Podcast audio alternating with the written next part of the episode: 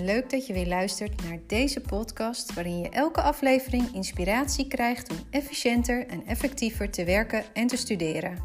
Dit is jouw persoonlijke podcast toolkit vol met handige tools.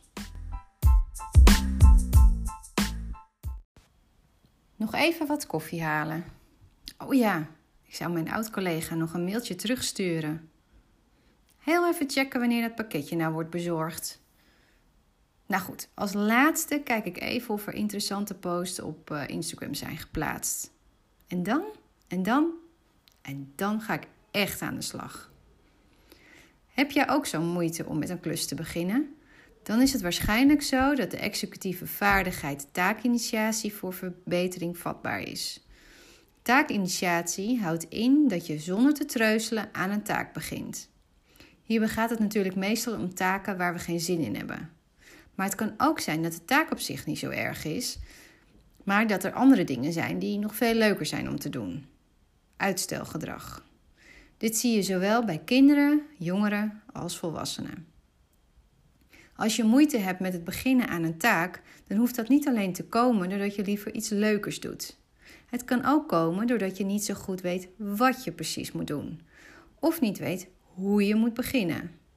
Als je het lastig vindt om hulp te vragen aan een docent, een collega of een leidinggevende, dan kan dit er ook voor zorgen dat je het beginnen uitstelt. Het oefenen met de vaardigheid taakinitiatie begint eigenlijk al als kleuter. Denk aan het aankleden, speelgoed opruimen, naar bed gaan. Elke ouder herkent het eindeloze getreuzel van een kind vast wel. Als je op jonge leeftijd al goed oefent daarmee, dan wordt het op een latere leeftijd makkelijker om aan die vervelende klusjes te beginnen.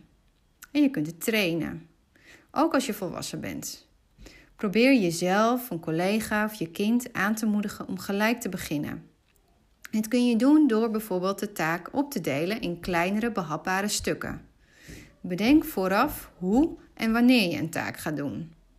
Hoe meer je dit visualiseert, dus hoe beter je dit echt voor je ziet, hoe groter het effect. Beeld je dus bijvoorbeeld in dat je ochtends opstaat. Je gaat je aankleden, ontbijten. Vervolgens zie je jezelf achter je bureau gaan zitten en dat je met die ene klus aan de slag gaat. Dat helpt echt enorm. Om jezelf extra aan te sporen, helpt het om de avond daarvoor al alle benodigde stukken daarvoor klaar te leggen. Nou, bij jongeren die met huiswerk aan de slag moeten, helpt het ook. Gewoon heel concreet benoemen wat je precies moet doen. En vooraf alle benodigde boeken klaarleggen, zodat je gelijk van start kunt gaan. Ook dat helpt. En het laatste hangt samen met een andere executieve vaardigheid, namelijk strategie bepalen en organiseren. Bedenk voor lastige of vervelende klussen een systeem, zodat je dit elke, of elke keer eigenlijk op dezelfde manier doet.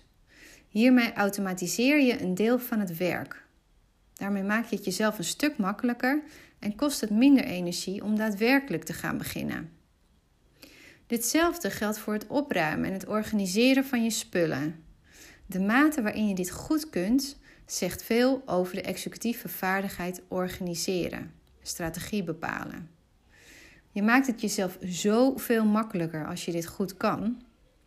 Stel je bijvoorbeeld eens voor, je wilt een kastje in elkaar zetten maar je weet niet waar de hamer en de juiste schroevendraaier liggen, dan kost het je nog meer moeite om deze klus daadwerkelijk uit te voeren. Of je hebt bijvoorbeeld huiswerk, maar je moet nog even goed kijken waar je het benodigde boek hebt liggen. En ja, je schrijfpapier dat zwerft ergens in huis, dus dat moet je er ook nog bij zoeken.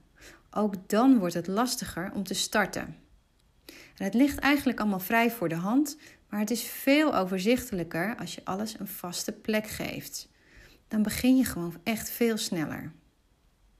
Onderdeel van een strategie bepalen is ook bedenken of je eerst de vervelende klusjes doet of eerst de leuke. Vaak wordt gezegd dat je beter eerst de rotklusjes kunt doen. Maar het kan ook juist goed werken om eerst de leuke dingen te doen. Dan heb je in elk geval de drempel van het beginnen genomen. En je bent opgestart en de overgang naar die rotklusjes is wat kleiner.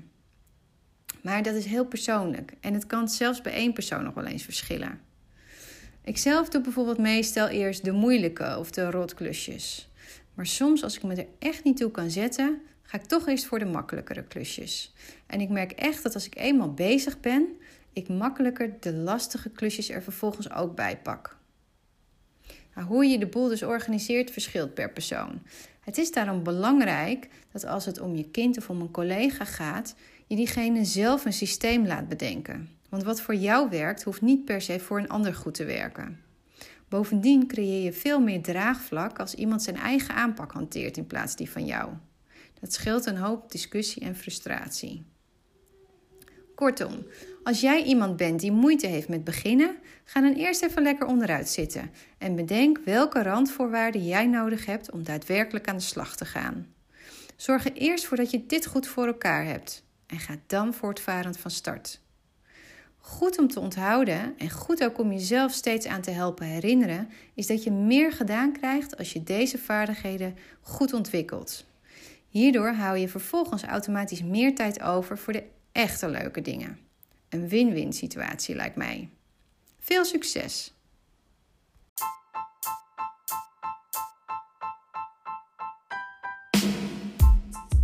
Dit was weer een tool voor jouw persoonlijke podcast toolkit. Dankjewel voor het luisteren. Vond je dit een nuttige podcast? Deel hem dan graag met anderen. Wil je meer tools? Abonneer je dan op deze podcast zodat je als eerste op de hoogte bent als er weer een nieuwe aflevering klaar staat. Tot de volgende keer.